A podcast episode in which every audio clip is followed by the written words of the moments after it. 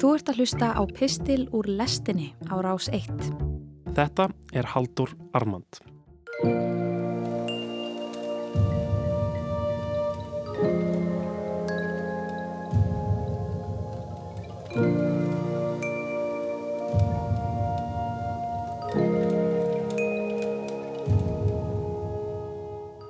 Ég varði jólunum í Barcelona. Ég sá Sagrada Familia, ferskur hafgusturinn blés hári mínu aftur við ströndina. Ég borðaði ensalada rúsa, croquetas, gambas al ajillo og bravas með skrauf þurru franskbröði á hávaðasömmum tapasbar í La Barceloneta þar sem barborðið var úr stáli og það skein á gullkeðjuna um háls barþjónsins Meðan hann rétti fólk í dagblöð, sagði brandara, skuttlaði barma fullum kannjasklösum til fastagestana sem allir töluðu í einu um guðum að vita hvað. Kanski leikin í gær, kannski lottóið um helgina, kannski sjónvarps áskriftina. Sól skein í heiði alla daga. Við gistum í gottneska hverfinu þar sem stígarnir eru pínulitlir og þröngir, svo litið eins og að vera inni í húsi en vera samt úti. Hér og þar skjótast litlar skellinöðrur fyrir horn Þetta var allt eins og ímyndun, einhver fantasía frá fyrri hluta 20. aldar. Þannig séð, ég bjóst á hverri stundu við að sjá barn í matrósafötum með alpahúu og bagett undir handlegnum.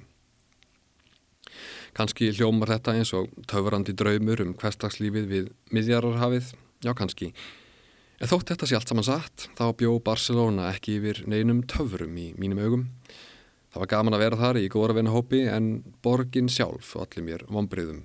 Ég hafði verið þarna áður, nokkur sinnum, og ég myndi eftir því að hafa gengið um þessar sömu götur, 12-13 ára gamall, og þótti þetta allt saman vera svo öðruvísi, svo framandi, svo heillandi, svo framandlegt, svo spennandi, svo töfrandi. En nú var allt breytt. Samt var allt eins, sömu sölumenninir að selja sama skranir, sömu leikvangin, sömu gödulistamennir að gera sömu hluti, sömu byggingarnar, sama kirkjan, sama ströndin, sama sólin.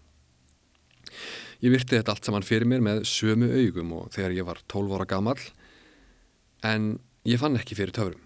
Það eina sem ég gæti hugsað um, hvert sem ég fór, var spænska haugkerfið og að þessi fallega borg væri ónýtt. Það væri búið að drepa hana með rusl túrisma. Það var hvergi friður fyrir upp á þrengjandi þjónum með stjarft bros á vör að reyna að lokka mann inn á persónuleika lausa paegjustadi og umurlega skemmtistadi.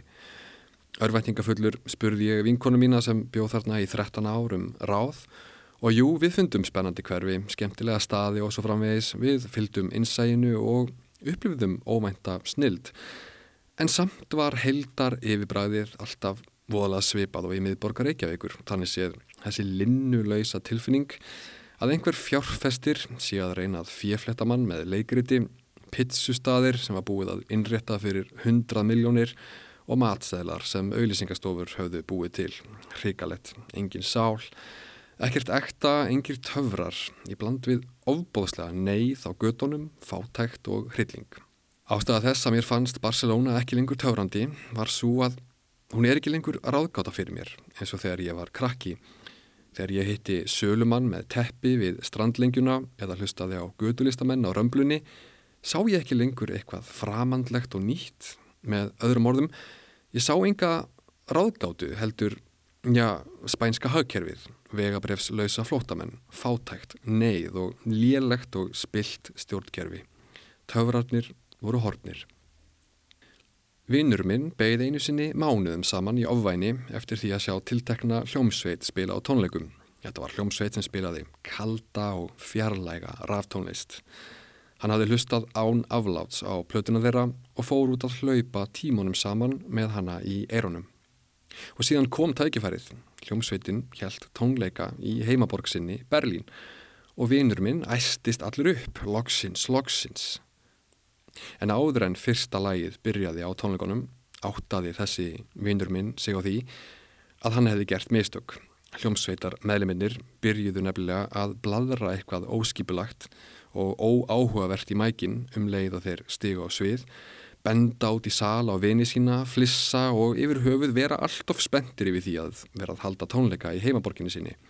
Þeir voru með öðrum orðum eins langt frá því að vera kaldir, fjarlægir og kúl og hægt var og þar með hrundi ímynd vinarmins af tónlistinni þeirra. Með bladrinu tókst þeim að af helga sjálfan sig. Mystikinn var horfin, ráðgátan var horfin og þar með galdrarnir. Í báðum tilvikum, ég eigrandi félagslega meðvitaður um mína mishefnuðu endurtekningu í Barcelona og vinnur minn næstum því tárvotur að yfirgefa tónleikasal í Berlín var ástæða vonbreyðana að við höfðum öðurlast upplýsingar sem við kerðum okkur ekki um. Sagt er að þekking sé vald og það er augljóslega rétt upp að vissu marki en ímyndunarablokkar þrýst hins vegar á upplýsingaskorti. Þversögnin er svo að því minna sem við vitum því meira deig hefur sköpunargáfan til að baka úr og það er þarna sem töfrar veruleikans leikja grafnir. Þetta er ástæða þess að samskiptamiðlar af helga fólk. Þeir veita svör við öllu því sem við viljum ekki vita um aðra. Ég sagði hérna á þann að þekking sé vald upp að vissu marki. Þetta er augljóslega sagt ef við ímyndum okkur eitthvað eins og kjarnorkusprengjuna. Þar gerir þekking manninum kleift að beisla ábúðslegan kraft sem aftur færir honum hryllileg völd. En skortur á þekkingu er samt líkil að miklu dýbra valdi hvert er besta dæmið um þetta. Horðu til heimins þar eru heimkynni fyrirbæris sem hefur mikil völd yfir hugsana lífi okkar og ímdunarafli hvort sem við trúum á það eða ekki. Já, völd Guðs eru svo mikil og ótýræð að það skiptir ekki einu svona máli hvort hún, hann eða það er til eða ekki. Guð er meistari þess að leina upplýsingum. Guð er trúnaðarmál Í fyrra tímóteusarbrefi er talað um að varðveita leindardóm trúarinnar og kathólsk alfræði orðabók frá árinu 1913 skilgreinir hugtakið leindardóm svona. Í þraungum skilningi er leindardómur yfir náttúrulegur sannleikur sem í krafti eigin eðlis liggur handan hins endanlega huga. Síðar segir svo Sá óskýrleiki sem umlíkur leindardóma trúarinnar stafar af veikleika mannlegra vitsmuna sem líkt og augað sem starir á sólina blindast af fyllingu ljósins. Leindardómar yfir náttúrulegar opinberunar eru ekki aftengdur sannleikur handan náttúruheimsins, heldur æðri himnesk veröld yfir skilvillegur alheimur hvers einstöku hlutar saminast í lifandi sáttmála. Hér er vitaskuld verið að vísa til hinnar margfrægu træguðu Guðs til að ofinbera sig. Að trúa, samkvæmt þessari heimsmynd, er að leggja tröst sitt á leindardóm sem er nöðsynlega leindardómur, handan þess sem mannlegt vit ræður við. Og trúarlífið er þá eins konar ófullkomin undirbúningur fyrir hérna beatífísku sín þegar þú hittir loksins Guð undir fjögur augu, svo að segja, þegar leindardómurinn ofinberast og allt er fullkomnað. Hvort við trúum þessu eða ekki er annur saga, en ég hins vegar segi fyrir mitt leiti að þessi sín á veruleikan, hugmyndinum eitthvað æðra sem er ekki hægt að skilja, fangar eitthvað mjög djúft í mannlegu eðli. Þá staðreind að ekki aðeins er heimurinn og meira segja við sjálf ráðgáta fyrir okkur, Heldur eru við líka ástfangin af þessum leindardómi, svo að segja. Við þrýfumst á því að fylla í eðurnar, nota ímyndunaraflir og gera veruleikan þannig göldróttan.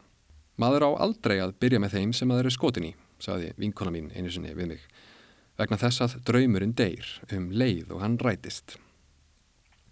Það er svo margt sem við viljum ekki svar við þegar ég fyrir til Barcelona til að upplifa fegurð og ró þá vil ég ekki skilja spænska hagkerfið og miskiptingu auðs. Þegar vinur minn elskar töff hljómsveit, þá vill hann ekki uppgöta að meðlimir hennar séu lúðar. Þegar þú ert skotin í einhverjum, þá viltu ekki sjá hann á Instagram. Vegna þess að við viljum trúa á hinn æðri himneska heim sem eru utan seilingar, en við getum nálgast, eða minnstakosti fengið nasa sjóna af með sköpunargáfinni, með ímyndunaraflinu, með drauminum. Drauminum sem deyr um leið og hann rætist. Kanski er þetta það mikilfenglegast að við Guð eftir allt saman, kannski er mesta snildarverk Guðs ekki sköpun heimsins, heldur Guð sjálfur, hún, hann, það ekkert eða hvað sem þetta eiginlega er er mesti draumur mannkynnsögunar. Áhrif Guðs eru háð því að hann sé ekki á staðnum. Hann hættir að vera til um leið og hann verður raunverulegur. Aðeins með því að vera ekki til er hann til. Óskiljanleikin er skiljanlegur, draumurinn er í senn eilífur og getur ekki ræst. Og snild þessa skipulags er eflaust upp að vissu marki ágætt rauksamt fyrir tilvist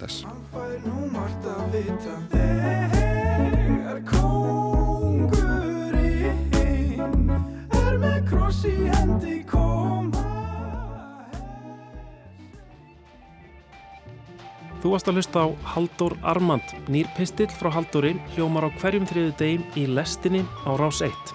Ef þú fílaðir þennan pistil og vilt heyra meira, getur gerst áskrifandi að lestinni hér í hlaðvarpsappinu þínu.